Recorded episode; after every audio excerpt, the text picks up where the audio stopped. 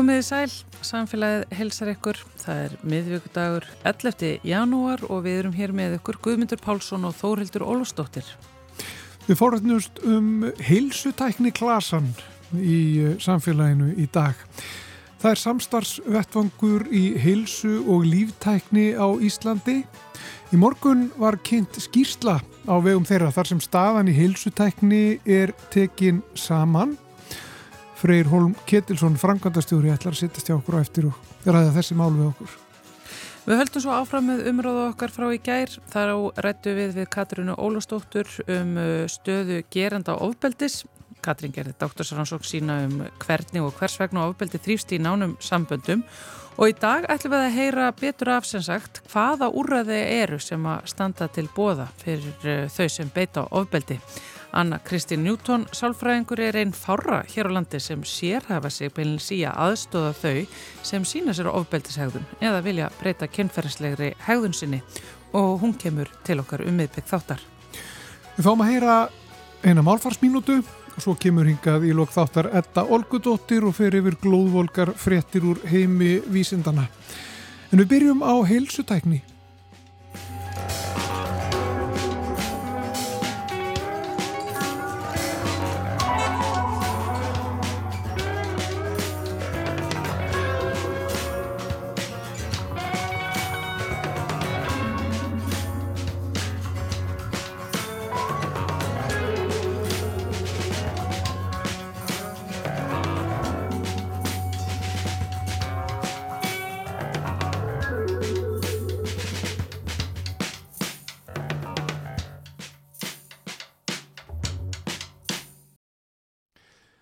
Hann sestur hérna hjá mér Freyr Holm Ketilsson, hann er framkvæmdastjóri heilsutækni klassans sem er, uh, já, vettvangur fyrir, uh, hvað að segja, stopnarnir og fyrirtæki í, í heilbyrjastjónustu uh, sem að vilja svona stuðlað aukinni nýsköpun og, og þróun kannski, tækni þróun í, í heilbyrjastjónustu eða hvað? Jú, klálega rétt hér.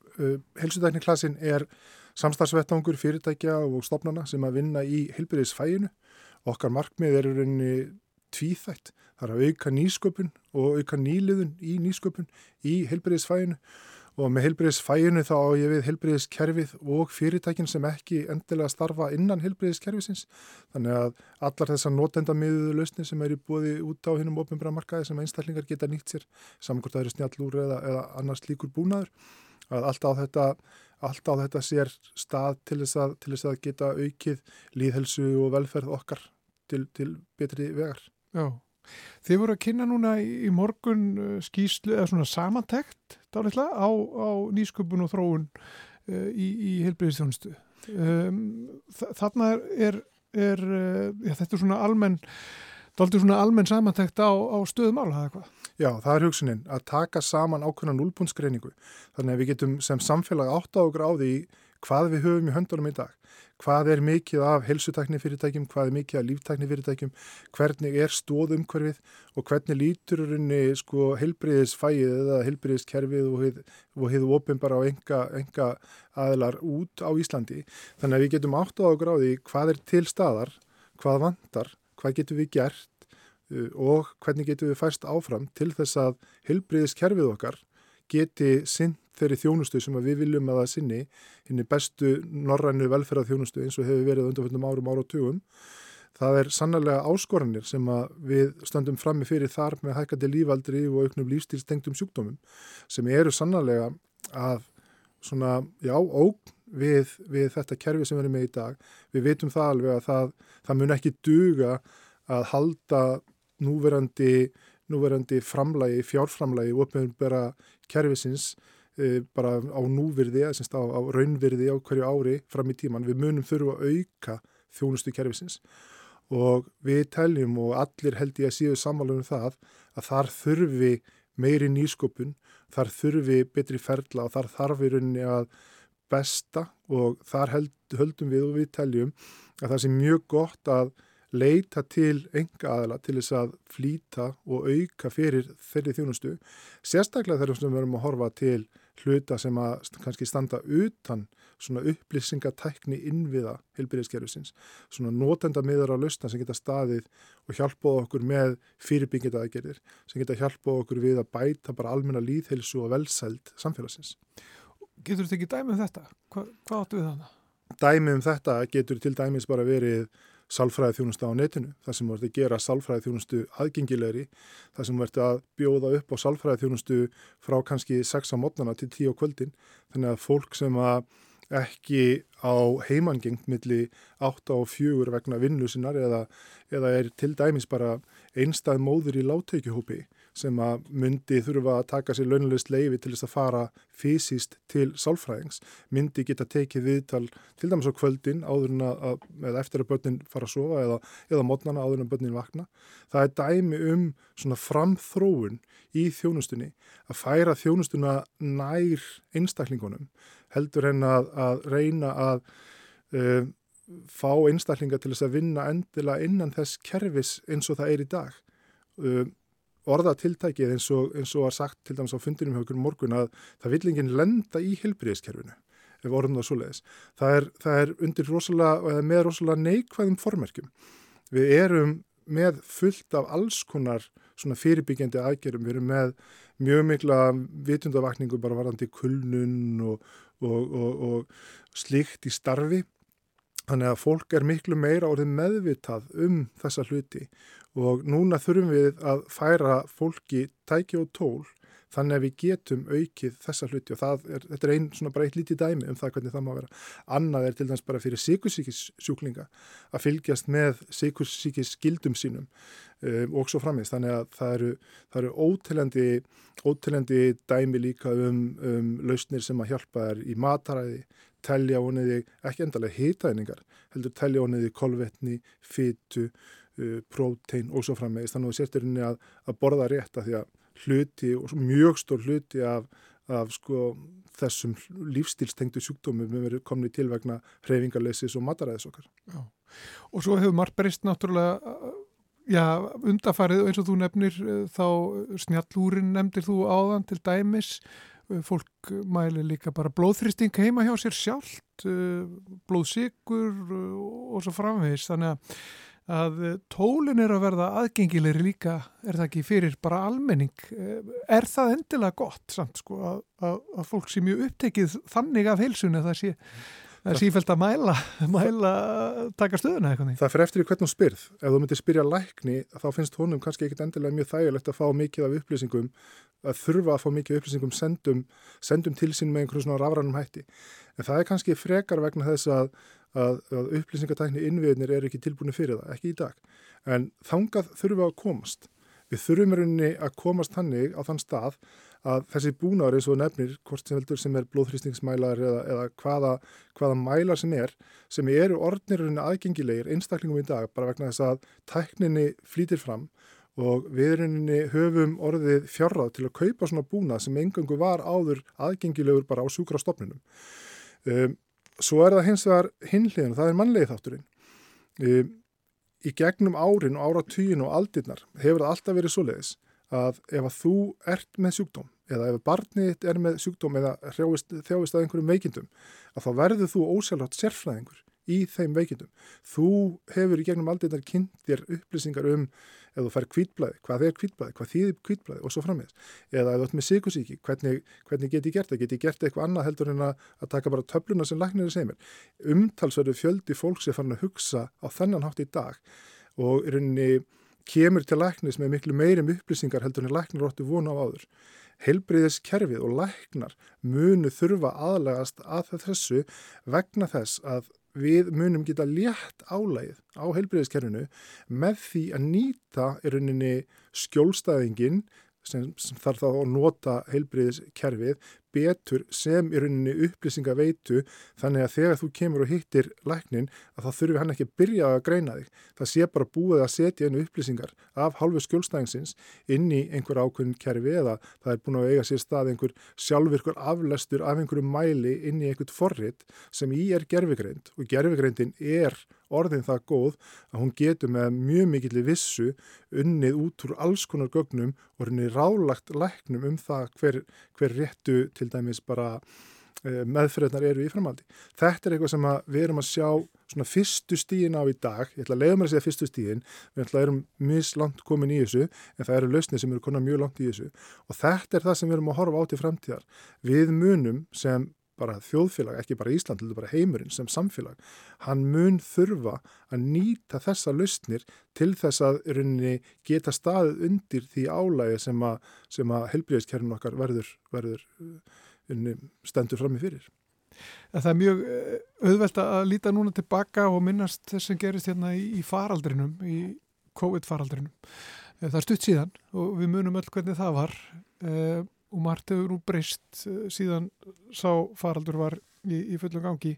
Þá áttaði fólk sig kannski líka talsvert betur á því hvað tæknin skiptir miklu máli og einhvern veginn hvernig eh, nýsköpun og þróun sem eru orðið undarfærin ár eh, hefur breytt miklu bæði varðandi já, upplýsingagjöf auðvitað en líka já, sínatökur og, og úrvinst úr þeim og miðlun á niðurstöðum og sínatökum, bólusetningarna náttúrulega uh, sem að já, við, við sáum einhvern veginn þegar bólefnið kom og það, það þurfti að vera í einhverju fristi og þetta var allt mjög svona tæknilegt og, og um, og fólk áttaði sig kannski betur á því bara framtíðin er núna eða hvað í, í þessu málum. Auðvitað heilsu vera komið sterk inn líka? Mm -hmm.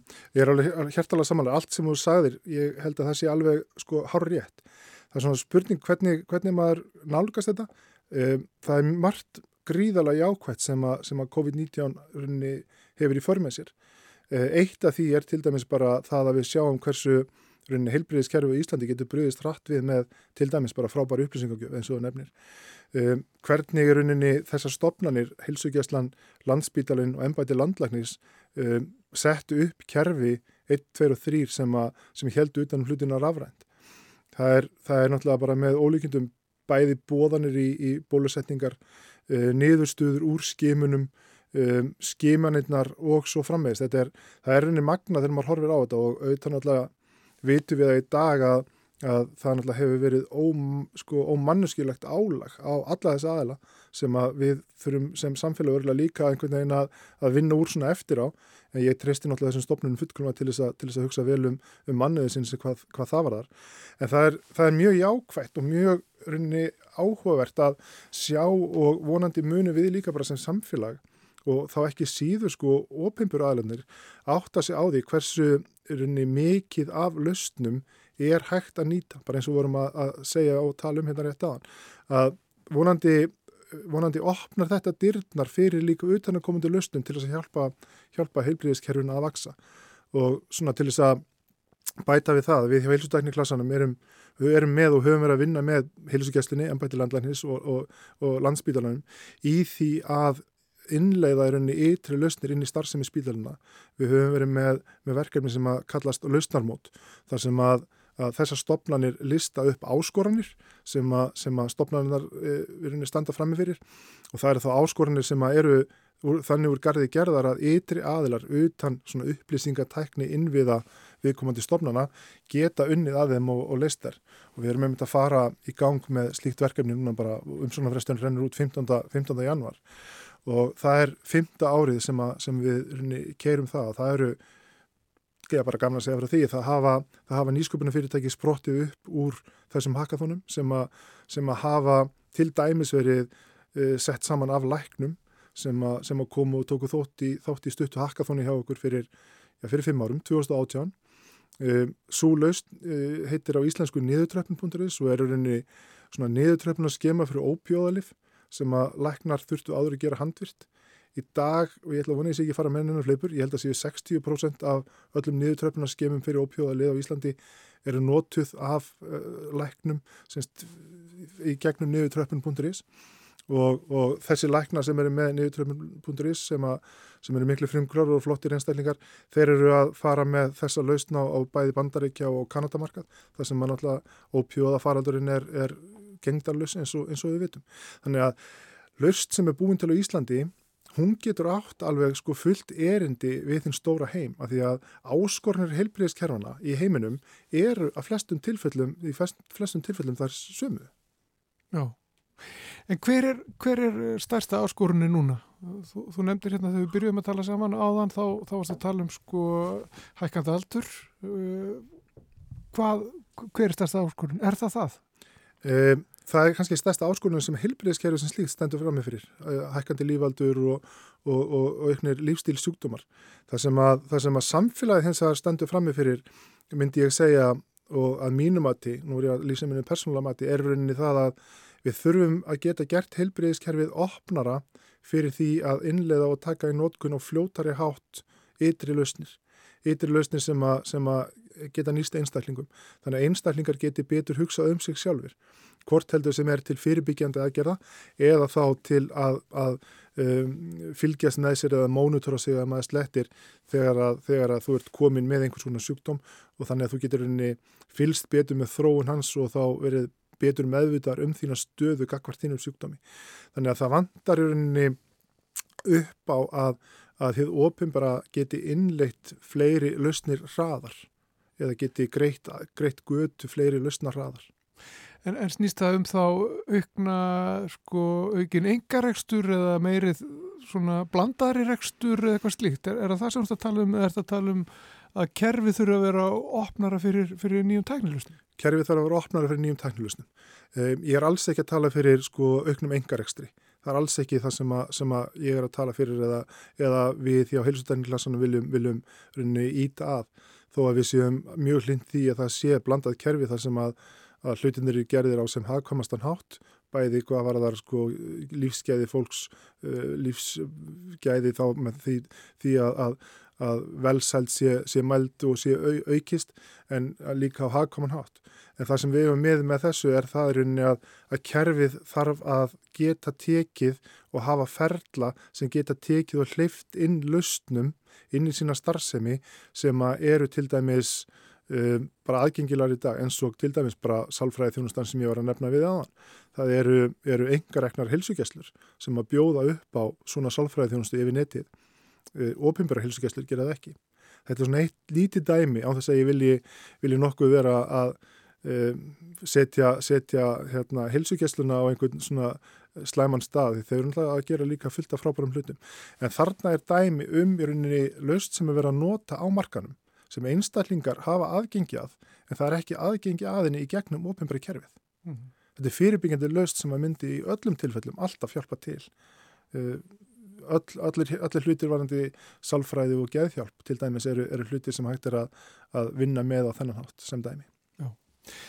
Við skulum uh, setja punkt hér uh, Freyr Holm Ketilsson, frangvandastjóri heilsutekniklassans og fólk getur uh, skoðað það sem þið eru að gera og, og um, fræðist betur um heilsutækni og heilsutækni klassan með því að, að fara á htk.is sem er ykkar, ykkar heimasíða. En takk hjá það fyrir komina. Takk fyrir hjá það.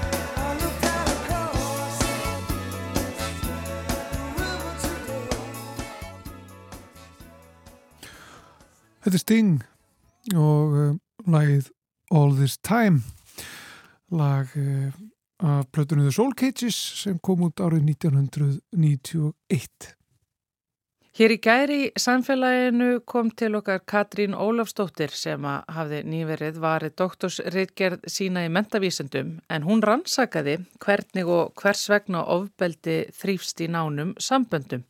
Eitt af því sem að Katrín skoðaði voru gerendur ofbeldis, hún eh, tók viðtöl við gerendur meðal annars Og hún var að fara yfir í eh, viðtalinu við okkur í gær.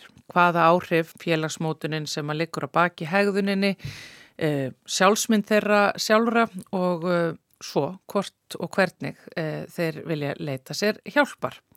Og það er þetta með það að leita sér hjálpar. Eh, hvaða úrræði eru í bóði fyrir gerendur? Af því að ef við ætlum að takast á við ofbeldi að þá þarf náttúrulega ekki bara að sinna þólundum, það þarf líka að sinna þeim sem að fremja ofbeldið. Og við ætlum að halda sem sagt áfram um, á þeim nótum.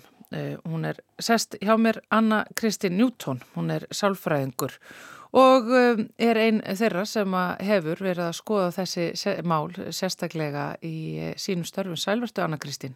Já, það er blessuð. Við skulum kannski bara byrja á að skoða uh, úrræði fyrir gerendur uh, kemfyrirsofbildis á Íslandi í dag. Mm. Já, sko það er náttúrulega, ef við horfum til þess að við erum að tala um gerendur, þá erum við náttúrulega að tala um, um sko margs konar hegðun sem er þar undir og sund sem að fer fyrir domstóla og þeir gerendur fá náttúrulega oft á tíðum dóm og eru þá í raun og verið settir í, í afplánun í einhver tíma þar sem að þeim býst ákveðin þjónusta til þess að takast á við brotatengta þætti svo að, að draga úr líkum á, á frekari brotahegðun. En við vitum það og við sjáum það náttúrulega allir umræðu að gerendur sem að fara ekki gegnum okkar dómskerfi eru líka æðimargir og hérna okkur finnst mikið vægt að reyna að mæta þerri þörf við getum sagt sem svo að þeir sem að vilja leita sér aðstóðar að þau hafi einhver úrræði að leita mm. og því höfum við sett á lagirnar núna nýtt úrræði sem heitir taktu skrefið.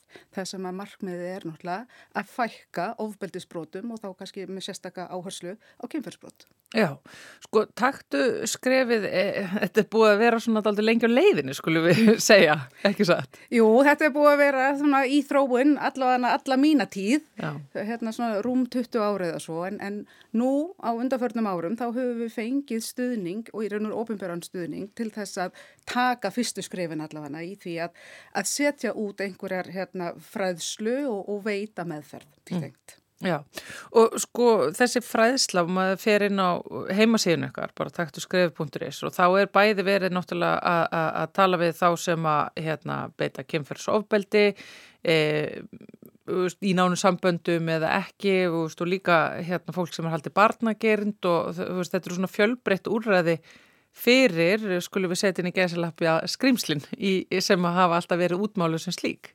Já og það er náttúrulega kannski akkurat þetta, byrtingamyndin sem þetta af ofbeldinu, hún er bara margþætt. Þetta er náttúrulega þegar maður skoðar sviðið að við erum að ofta tala um mjög mörg mismunandi og oft ólík máli eðli sínu. Og hérna við í taktu skrefið erum í raun og veru sjálf bara að taka fyrsta skrefið. Svo við reyndum bara að höfða til alls hópsins í raun og veru því að við hérna höfum sem við sem þar störfum höfum í raun og veru margtækta reynsla að koma af slíkum málum mm. um, misflókin og, og misalvarleg en, en ekki að síður bara oft og tíðum bara skadaleg og það er markmiðið náttúrulega að draga úr frekari skada. Sko auðvitað er náttúrulega eh, eðlilegt að til þess að draga úr skada sé að fá þá sem að beita ofbeldinu til þess að hætta beita því mm -hmm. en hvinnar eru það að grýpa þetta fólk uh, og, og gengur það upp og er þetta raunhæf leið? Já, sko, það er akkurat þetta. Ég menna við svo sem vinnum út frá því að þeir sem til okkar leita, eru í flestum tilfellum kallmenn, þó ekki engungu, tek það líka fram, en, hérna, en fyrst og fremst er náttúrulega það að, að fólk sjáu að það þurfu eitthvað að gera í sínum málum. Þetta, þetta er í raun og veru úrræði sem byggist af því að fólk vilja aðstóð og vilja leita til okkar.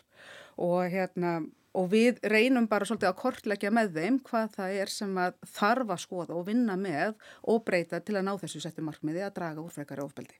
Já, en er þetta þá bara svona einhver niðurstaði sem að hver og einn kem stað með sjálfum sér, kannski að undagengnu einhverjum málaferðlum eða uppákomum í sínu persónulega lífi eða hvernig sem að það byrtist, bara svona eins og fólk sem að glýmir við þetta kannski ólíkt eh, sama við að jafna en veist, bara til dæmis eins og fíknivanda það, tala um að þú nær botninum Já. og þá ákveður að leita þeirra hjálpar?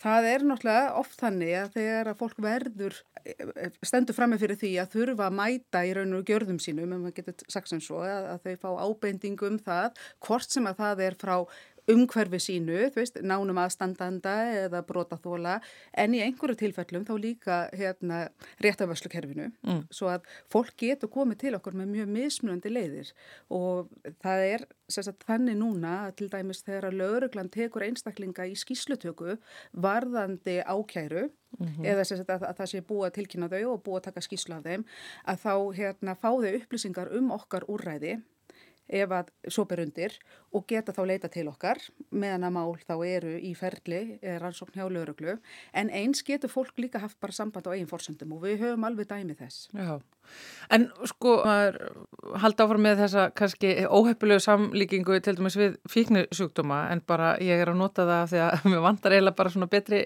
betri leið til þess að lýsa þessu.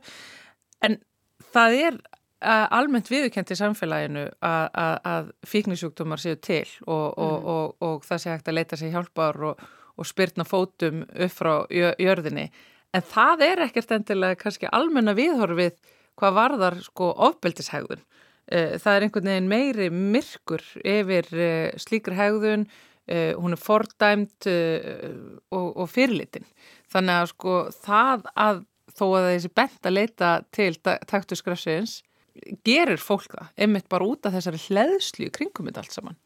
Já og það, og það hefur kannski verið einmitt vand, einn vandin og þess vegna hérna, ákveðu við að, að stopna til þessara samtaka að það er akkur þetta, það er náttúrulega bara mikil skömm í kringum það að beita ofbeldi og skiljanlega því að það hefur náttúrulega oft og tíðum bara mjög alvarlegar afleðingar í förmið sér. Það er þó samt þannig að, að flestir þeir sem að beita ofbeldi þeim er ekki, þeir eru ekki útsett fyrir það að vilja skada aðra þó svo að það gerist og, og í raun og veru kannski þegar mann skoðar málinn að það er alveg ljóst að afleggingana af slíkri hegðun eru skadalegar en flestir vilja taka á sínum málum. Og það er erfitt kannski að líka þessu við fíkna því að það er eins og segir þetta er bara miklu floknari hegðun sem að mótast með mjög mismundi hætti hjá mismundi einstaklingum og byrtingamyndas er mjög já, já frábröðin hvort annari. En við getum kannski tekið eitt dæmi og það er kannski það sem við ákvæmum að byrja að taka fyrir á, hérna, á heimasíðu taktu skrefsins. Það er náttúrulega fjalla til dæmis um þetta að vera að skoða kynferðslegt myndefni af börnum. Mm -hmm. Af því að það er eitthvað sem við sjáum að getur undið upp á sig, soldið eins og önnu annars konar óheppilega hegðun. Það er að segja að fólk fer á netið að skoða, segjum þá bara klám, fullorðins hérna, mm. klám, en að því að frambóðið er svo ótrúlega mikið og aðgengið er svo auðvelt að þá sjáum við fyrir suma allavega að það leiðir, eitt leiðir á öðru og fólk fer alltaf í að leita sér eitthvað grófara efni sem að stundum varðar þá bara batanísefni á bönnum. Þannig að þetta er svona eins og áhættuhegðun sem að vindur upp á sig og verður sagnam á endanum. Það, það er einmitt það, bara mörg dæmi um það þó að það sé ekki eina leiðin sem að það á sér stað. Já. En svo er þetta líka eins og Katrín talaði um í gæri eins og veist, gerundur ofbeldis eh, veist, líta ekkert endilega á sig sem ofbeldismenn. Það eru bara einhverju utan um komandi aðstæður sem að stýttu þeim fram á brúninu og þetta er ekki þeim að kenna og mm -hmm. veist, þannig að fólk finnur sig mjög svona skrítinu stöðu og skrítum hugsunum um sjálfa sig og hugsunum sem það vil kannski ekkert endilega svara. Spurningunni er ég ofbeldismæður? Nei, þetta var bara það voru bara nokkuð tilfelli mjög, mjög sérstakar aðstæður gerist aldrei aftur Akkurat. og svo bara er afnetunin eh, og, eh, heldur áfram. Akkurat og það er kannski áhugavertið mitt að velta fyrir sér með þessa afnetun. Það er kannski bara eðlislegt í okkur að vilja ekki vera vond, þess að vilja ekki meiða annað fólk, svo það er búið erfitt þegar maður stendur fram með fyrir því að þurfa að horfast í augu við það. Já, erfiðast það sem í heimi er að horfast í augu sjálf og sig, sko. Mm, akkurat og, og, hérna, stundum þarf bara ansið mikið til að, að fólk sjáu það í því ljósi, það er eitt af því sem að, hérna, þarf ofta að hjálpa fólki með, er einmitt að, að setja sér í spór annara, að sjá aðra vinkla á stöðunni, heldur að maður sjálfur upplifir að því að í grunninn viljum við kannski ekki sjá okkur sem skrimsli. Nei. Sko, Anna Kristín, þið þarna hjá taktu skrefinu, þú veist, eru náttúrulega sálfræðingar og, og, og fólk sem er sérhaft í, í meðferðarúræðum fyrir uh, þennan uh, hóp, uh, fyrirlitna hóp, mm -hmm. sem að hins vegar er meir og meira verið að tala um að þurfi að halla sér betur að, þá þurfi að rétta hjálparhönd. Sko, út frá bara fræðunum, eins og sálfræðinni, eru þið að finna upp hjólið eða eru til fyrirmyndir og fræðiefni og, og, og rannsóknir eh, á því hvernig er best að gera þetta og hvað þessu hópur þarf og vill? Já, það eru vissulega til hérna bara svolítið góðar og hérna gaglega rannsóknir og meðferðarform sem er hægt er að vinna eftir. Við þurfum samt að horfi það að hérna, eitt hendar ekki öllum og við leggjum okkur fram við það að stiðjast við í mitt gaggreindar aðferðir og annað slíkt. Við vitum það til dæmis að hugræna atfélis nálgun mm. á vanda hérna, þeirra sem að eru að beita ofbeldi og hún kemur að gagni í mörgum tilvægjum og við sjáum það og rannsóknir sína fram á það að þeir sem leita sér aðstóðar eru mun síður líklegri til að halda áfram að beita slíku ofbeldi ef þeir fara í gegnum markvisa meðferð. Já. En aftur uh, það sem ég spurði á þann, veist, hvort þetta sé raunhaft, hvort þetta raunverulega geti virkað og greipi þá sem að þarf að greipa. Dæmin hafa talað uh, sí, sína og, og, og þau sem að vinna þessu gera segja og sko kannski undan einum manni getur verið fullt af fórnalömpum og það er bara margra ára brotasaga og, og hérna, en hann mun aldrei kannski sækja sér einhverja aðstóð. Nei, hún, hann alltaf sækir sér klárlega ekki afstóðið ef hún er ekki bóði, já. svo það er kannski já, já, það, það sem við hérna, höfum staðið framme fyrir lengi vel að það hefur verið lít sínilegt hvað er í bóði ef eitthvað. En munan sækir sér það sem er í bóði? Sko það hérna kannski bara til að setja þetta í Íslands samhengi að frá því að við byrjuðum á þessu fyrir árið síðan að þá hafa 41 einstaklinga leita til þetta skrefsins til að fá sér afstóð. Já. En hvað eru margir dæmdir fyrir ofbeldisbrot á hverju ári? Já, sko, þeir náttúrulega sem eru dæmdir, þeir svo sem kannski fara aðra leið í, í kerfinu, þeir fara þá inn í, inn í réttaföslu kerfið og fá þá vonandi aðstóð þar. Já. Það er kannski akkur þessi hópur sem er ekki kerfur og ekki dæmdur og kannski hérna, þyrti vissulega að leita sér aðstóð. Við erum líka reyna að höfða til þess hóps að það er hægt að gera eitthvað í sínum málum. Mm -hmm. Sko og, og, og, og af því hvernig þú talar þá er náttúrulega sko eru augljóst að taktu skrefi þarf að verða umfangsmeira og sínilegra. Hvernig blasir þetta við svona með stuðningi ríkisins eins og þetta er næstu árin. Já, sko allavega fyrir næsta ár þá er komin stuðningur hérna frá, frá ríkinu, bæði frá heilbríðsráðuneytinu og félagsmálaráðuneytinu til þess að halda þessari starfsemi gangandi og við þurfum kannski fyrst og fremst yfir þetta eins og þú segir að ná til eiru þeirra sem að þurfa á okkur að halda. Mm. og, hérna, og þess vegna er svolítið mikið vægt að við leggjum áherslu, ætlum að leggja áherslu núna á að á heimasíðu okkar komi fram frekari upplýsingar og sjálfshjálpar efni að því að akkurat að stíja skrifið að hafa samband og leita sér aðstofur við vitum að það getur tekið smá tíma fyrir fólk að átta sig á okkur og, og hva, hvað við stöndum frammefyrir svo að þetta horfir til betri hérna, vega hvað það verðar um að, að fá bara fram einhverju upplýsingar. En, en við sjáum það líka að dómarar hafa til dæmis veitt í aðtekli að, að þarna er hægt að dæma fólk í raun og veru í aðstóð og hérna við höfum núna nokkra dóma sem að hafa haft það fyrirmynd að að meðal annars í dómsorði er tekið hérna, með inn í reikningin að þessi einstaklingur þurfi sérhæfðar aðstóð og þá er taktu skrefi nefnt. Það eru kannski einstaklingar sem eru þá mjög ungir til að mynda eða með einhver þróskafrávik þar sem hefðbundin leiðanan réttaföslukerfisins er ekki talinskil árangri.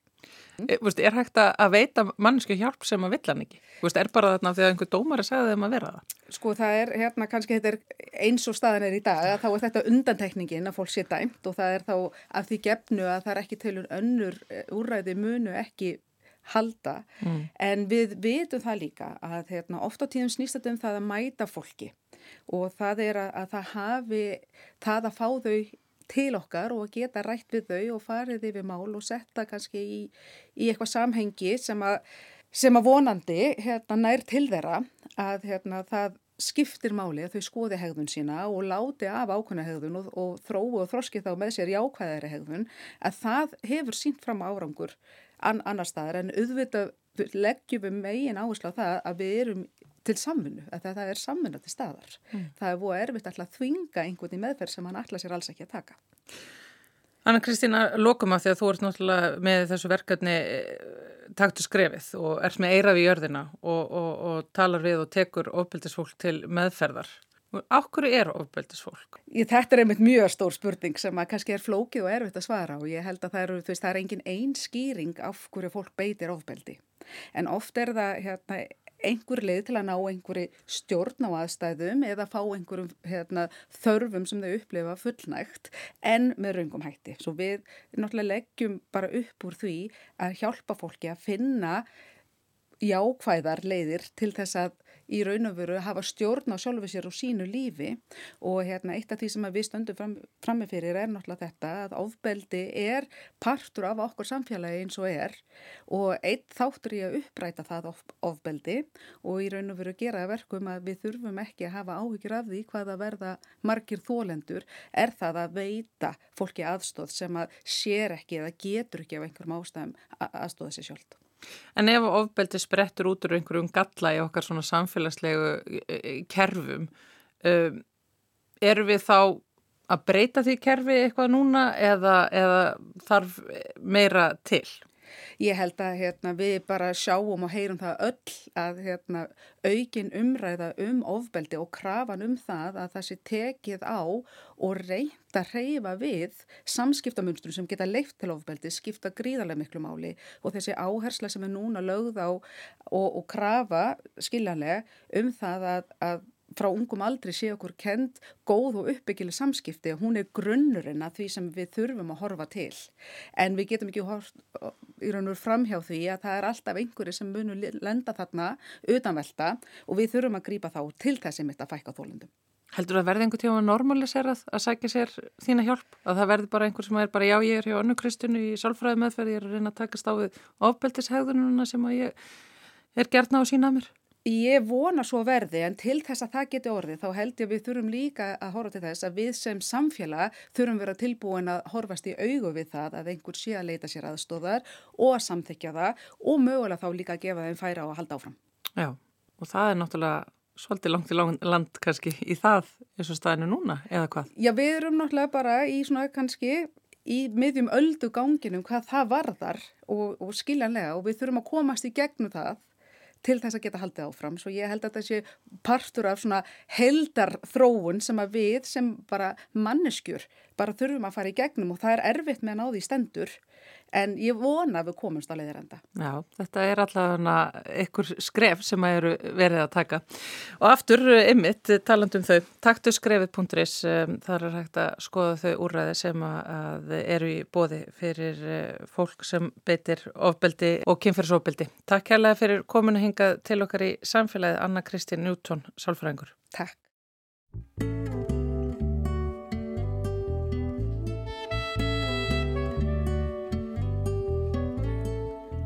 Upp ditt fönster, slå upp din dörr. Släpp in ljuset och din älskling, låt allting bli som förr. Låt honom veta, än finns en väg tillbaks. Låt honom veta att han är den enda du vill ha. Visst kan du välja att bryta nu Men han finns alltid där i ditt hjärta och det vet du.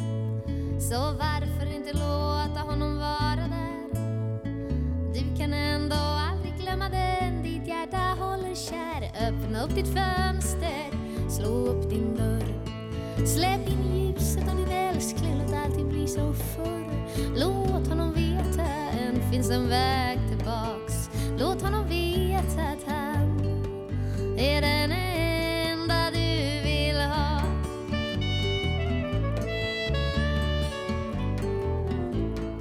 Ropa ner i gränden högt så han hör. Ropa att en kärlek är inget man förgör. Ropa att en kärlek aldrig kan ta slut. Ropa honom in igen och om han inte hör spring då ut. Visst kan du välja att bryta nu Men han finns alltid där i ditt hjärta och det vet du. Så varför inte låta honom vara där? Du kan ändå aldrig glömma håller kär Ropa ner i gränden. Högt så han hör Ropa att en kärlek är inget man förgör. Ropa att en kärlek aldrig kan ta slut. Ropa honom in igen och om han inte hör.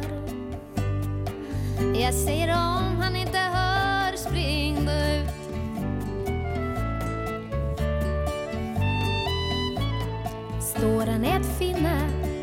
besök som besatt Se till hans vänner att de ska hälsat Fönstret är öppet och dörren står på glänt. Att vad som än händer är han alltid det finaste som hänt. Visst kan du välja att bryta nu Men han finns alltid där i ditt hjärta och det vet du. Så varför inte låta honom vara där? Du kan ändå aldrig glömma den kär Står han finna, sök som besatt. Se till hans vänner att de ska hälsat Fönstret är öppet och dörren står på glänt. Att vad som än händer är han alltid det finaste som hänt. Öppna upp ditt fönster, slå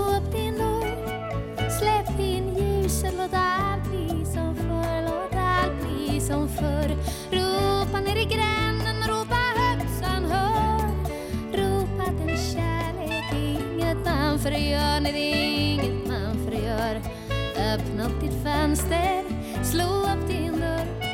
Släpp in ljuset och din älskling, låt allt bli som förr. Låt allt bli som förr. Låt allt bli som förr. Låt allt bli som förr. Þetta er Lísa Ekdal og lag sem heitir Öppna upp ditt fönster. Opnaði gluggan, Þóruður Já, þetta er sem sagt sænska þá. Þetta er sænska, Þetta er svo, sænska. svo kvöldið Já, já, þetta er, svona erst þú klár. Óbúðslega En ég er nú með eitt fyrir þig af því að það er ekki ruslarab hjá okkur í dag en á Já. þeim nótum, uh, bara svona þér að segja og fyrir þau eitthvað sem að hafa áhuga á endurvinnslu að uh, þá er mikið á svona margir áhuga hópar um endurvinnslu á Facebook og e, á einu þeirra fórastal mikil umræða um uh, svona kortflexpókana svo kallu Þetta eru sem sagt eitthvað sem allir fóreldrar þekka sem eiga svona hænufóðursætur uh, sem er uh, gerðnan, fylgir í gerðnan fólki á ákveðnum aldri, ungum, uh, ungu fólki og börnum. Og það eru sem sagt þessi frábæru plastpokar sem eru inn í serjóspökkum og kortflökspökkum og þetta eru plastpokar sem eru þykir og góðir og tilvalið að endurnýta þá og uh, það fór sér að stað mikil umræða um þetta á einum hóttum sem ég sá og það er bara ljóst að þetta eru pokar sem að þú ert aldrei að henda nema þú notir hann að minnst okkosti fimm sinnum. Hann er fullkomin e, í náttúrulega nestis, sem nestispoki. Uh, fólk eru að nota hann e, á málingapensla e, í fristina því hann er það þykkur og góður og hann er frábær hann í fristin og síðan náttúrulega endar hann æfi sína með því að sapna öðru plastra slísig og binda fyrir og fara þannig í endurvinnsluna. Þetta er nefnilega þannig. Þannig að ef að þú ert að eh, kaupa korflex eða serjós eða hvað þetta heitir allt saman, notaðu pókan, innsettu þér að nota pókan inni, plastpókan inni, allavega hann á þrísasunum áður en að þú flokkar hann ja, endanlega. Mhm. Þetta ekki með mér? Ég er bara með liðið með þetta. Jú, jú, nú fer ég bara beint heim og tæmi úr Tekur allar pókan. taka það tæmi úr þeim og notaðu eitthvað annað. Eh, nei, nei, eh, þetta er mjög góð ábending. Takk fyrir þetta Þóruldur. Verðir að því. Vísindarspjallið er hér framöndan þetta Olgudóttir sérst hjá okkur eftir örskama stund. Fyrst ætlum við að heyra málfarsmínútu.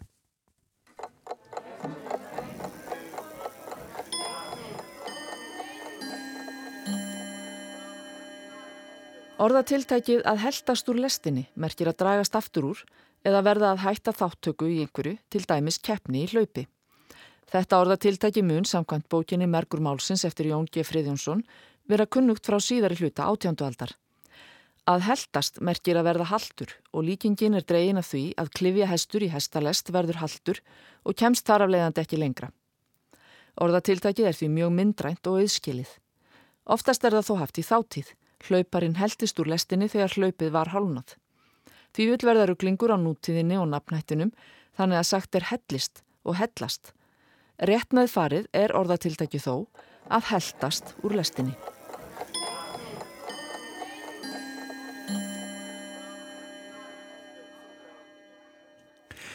Anna Sigrir Þráhansdóttir þarna með málfarsmínútu, hún er málfarsráðunötur en nú er komið að öðrum föstu lið hér í samfélaginu, það er vísindarspjallið með þetta Olgudóttur. Ert þú vísindar áðunötur uh, samfélagsins? Já, get ég ekki bara að titla með það? Jú, ég held að hér með- fínt? Framvegis. Ráðunötur er nefnilega svo frábært svona viðskipti. Ég kannski set þetta í símaskrána og ég Já. verið titlu þetta. Þú verður þannig minni símaskrá, minnstu kosti. Flott, þá er það komið. En velkomin til okkar. Takk fyrir það. Hvað ætlar að bjóða á í dag? Herði, í dag langar maður að segja ykkur frá hérna, klíniskri rannsókn sem var unnin í hérna, bandaríkjunum í Kaliforníu, nánar tiltekið, þar sem að var verið að meðhandla ungbönn, semst erða lækningar á, á ungum börnum sem að fæðast með skert ónæmiskerfi. Og þetta er sérstakur sjúkdómur sem að heitir opbúsla falleri íslensku og ennsku skitt, en það er sem sagt skamstöfun fyrir Severe Combined Immune Deficiency. Mm. og hérna, og ég veit ekki alveg hvert íslenska heitið yfir þetta er en þetta eru margir mismunandi sjúkdómar sem að lýsa sér í því að ónæmiskerfi það bara virkar ekki. Og það er einhver erðaþáttur í ónæmiskerfinu sem að klikkar og veldur því að það hérna, að erða, nei að hérna ónæmiskerfi það nær ekki að sinna sínu starfi. Já, þannig að þetta eru margir sjúkdómar, þetta er svona náttúrulega svo reglívar heiti yfir. Í raun og Já, veru, sko, Marga ólíka og ónæmisjúkdómar. Já, en þeir kom allir sko fram á svipaðan hátt. Þeir, hérna, lýs, sínd sjúkdómsins er svo að ónæmiskerfið það virkar ekki. En svo eru kannski mismunandi ástæðar fyrir því akkur þetta gerist. Og kannski fyrir þá sem að, hérna, margir tengja kannski við hérna Bubble Boy. Það var bíómynd sem var gefin út hérna, ég held hún hafi verið gerð 1978 og var John Travolta sem leki inni og hann var sem sagt Þetta var byggt á sannsögulegum atburðum þar sem að var hérna ungur strákur sem var með þessan, þennan sjúkdóm og hann gati ekki farið út. Hann, bara, hann bjó bara heima hjá sér og hann hérna, þoldi ekki að komast í snertingu við örverur. Vegna þess að ónæmiskerfið hans það bara höndlaði það ekki. Vá. Hann gati ekki barast við sýkingar. Og hérna, og svo var gerð endurgerð af þessari mynd þar sem að, ég man ekki hvað leikar það var, en hann var í alvöru í svona Já, plastkúlu. uppblásinu kúlu. Já, Já. einmitt og, hérna, og það var til þess að verndan fyrir umhverfinu og þegar börn fæðast, eða þegar einstaklingar fæðast með þessa, þennan sjúkdóm þá er meðhöndlunin er yfirleitt að, hérna, að fá gjafa beinmerk af því að hérna, ónæmiskerfið á uppruna sinn í beinmergnum fá, hérna, þá fá þessi börn gjafa beinmerk sem er þá frá einhverjum ættingja sem er næjanlega skildur til þess að líka minn hafnið ekki og það er þá ónæmiskerfið þeirra myndi byggja á því mm -hmm. en það fylgja því náttúrulega hérna, bæð er það bara mjög erfitt hérna, erfið aðgerð, þú vart að finna réttan gjafa og, hérna, og koma beinmergnum í, hérna, í einstaklingin og svo fylgja því eftir kvilla það þarf að passa upp á að, að hérna, einstaklingurinn hafn ekki e, gafamergnum og, og hérna, oft fylgir því líka ákveði svona ónæmisbúst eða svona örfun á ónæmiskerfinu e, fram í æfina. Þannig að það er ekki alveg alltaf nóg að bara fara í beinmerkskipti og bara innan gæsalappa sko vegna þess að það er náttúrulega risastór aðgerð mm. og hérna það hafa verið gerðar ákveðna svona gena lækningar á þessum sjúkdómum og eitt þeirra sem er hérna, heitir artskitt sem stendur fyrir Artemis skitt að hann er, hérna, hefur reynst sérstaklega erfiður og, hérna, og sérstaklega erfitt að meðhandla hann vegna þess að þar er hérna þar er það ensýmið Artemis sem tekur þátt í endurröðun á erðaefninu sem að klikkar Og það skiptir máli vegna þess að þegar að ónæmiskerfið er að kynnast hérna, örverum út í umhverfinu Já. að þá hérna, pikkar það upp einhverja markera eða einhver, einhver bóð frá örverunum mm -hmm. og býr til mótefni eða viðtaka sem að þekka þessa, hérna, þessar örverur og til að gera það þá þarf að fara fram mikil enduröðun á erðaefninu hjá frumum ónæmiskerfisins vegna þess að þær eru náttúrulega að fara að búa bara til nýtt prótín. Þannig að þær eru að endurraða erðaefninu til þess að skrá fyrir þessu nýja prótíni. Bara þekkja þig í framtíðin og geta varist í. Já. Já, auðvitað, þannig að skráningavinnan er svona mikið átak já, hjá erðaefninu. Já, og þess vegna þarf þetta enzím, Artemis, það tekur þátt í því að passa upp á að endurröðunin hefnist og þegar það klikkar að þá virkar ónæmiskerfið afskaplega illa. Og einhverja hluta vegna þá hefur gengið illa fyrir þá einstaklingar sem eru með þessa típu af hérna, skertu ónæmiskerfi að fá beinmerks, að, að þeir svaraði illa að fá beinmerksgjafir og það veginn, þeir eiga bara erfiðara með að, að hérna, höndla þennan sjúkdóm. Og nú var semst verið að byrta rannsók þar sem að hérna, er, þessir einstaklingar fá svona gena meðferð eða gena lækningu og þá er það byggt á því að þessi börn, og við erum að tala um sko börn undir fimm ára, mm -hmm. ég held að þau séu sko oftast er þetta greinast kannski eitthvað tíman í kringum hálsásaldurinn, já, já. þannig að þetta eru mjög ung börn sem er að fá þessa meðferð þá er tekið beinmerk síni úr þeim og þar eru valdar út ákveðnar hérna tíafrömmur og þeim, þær eru erðabreittar og þar er sett, hérna, þau nota vírus til þess að breyta geninu sem að skráir fyrir Artemis, breyta því þannig að þar verður til heilbritt eintak af geninu og svo eru, eru hérna, frumurna settar aftur inn í einstaklingana og svo fylst með þeim hvort að þessar frumur tak ekki yfir hérna, ónæmiskerfinu og geti þá hérna verið þær sem að sjá um að berjast gegn síkingum. Vá, þetta er alveg rosa aðgerð. Þetta er rosa aðgerð og hún náttúrulega fer, sem betur fyrir þessi erðabreiting fer náttúrulega bara fram inn á rannsóknarstofu. Já, utan líkamanns. Utan líkamanns, sko, Já. en það er ekki, hérna, margir það ekki á stofuborðinu, sko. Nei, nei, nei, og það þarf að gerast við rosalega strángar aðstæður, þannig að það má alls ekki vera neinn, það má ekki menga frumunar og þetta er mjög svona, hérna, gert undir mjög stífum regluramma hvernig þetta er gert og svo er frumunum komið aftur fyrir. Og þær svo byrja bara að fjölga sér og eftir nokkra vikur að þá hérna er tekið síni úr einstaklingunum og mælt eru við að sjá tjefrumur sem að eiga uppruna sinn í þessum erðabreittu frumum. Og það er náttúrulega bara mælt með því að að raðgreina genið sem að skráir fyrir Artemis. Og það kemur í ljós að þetta eru sko e, í þessari rannsók þá eru það með tíu einstaklinga sem þau eru að fylgja eftir sko í langan tíma og þegar, hérna, þegar rannsóknin er byrt að þá eru þau búin að fylgja e, þeim sem eru búin að fylgja lengst eftir hafa þau fylgt eftir í tvö ár mm.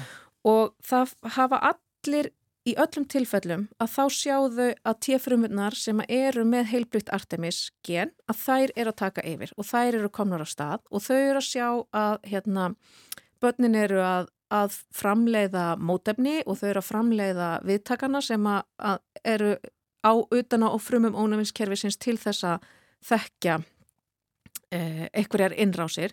Þannig að þessi börn eru að öllum líkindum að komast á þann stað að þau þurfa ekki að, að hérna, fá sérstaka ónæmis meðferð setna í lífinu, heldur geta bara fengið þessar hefðbundnu bólusetningar eins og flestir fá og þannig hérna örfað sitt ónæmiskerfi alveg eins og við gerum. Þetta og með hérna, hefðbundnum síkingum kvefi og flensu sem að margir fá að það er ekki það sem, það er ekki sama hætta fyrir þau. Lífsættulegt fyrir, fyrir mörga þessu börnum. Emmitt, en þannig eru við komin með þessa einstaklinga sem að sennilega munu bara alveg geta ráði við að fá slíka síkingar. Þetta er náttúrulega ótrúlegt að þessi hægt að gera þetta. Með því að taka eitthvað út úr líkamannum, erðabreita því mm -hmm. og mhm. spröyta því aftur inn og þannig... Já og ótrúlega góðar fréttir. Þetta eru ótrúlega góðar fréttir og líka einmitt af því þú segir til mikils að vinna einmitt af Já. því að það eru svo ungböld sem að þjástafus og lifa mögulega jafnvel ekki lengi eða eh, Nákvæmlega. mjög skert lífskeiði vegna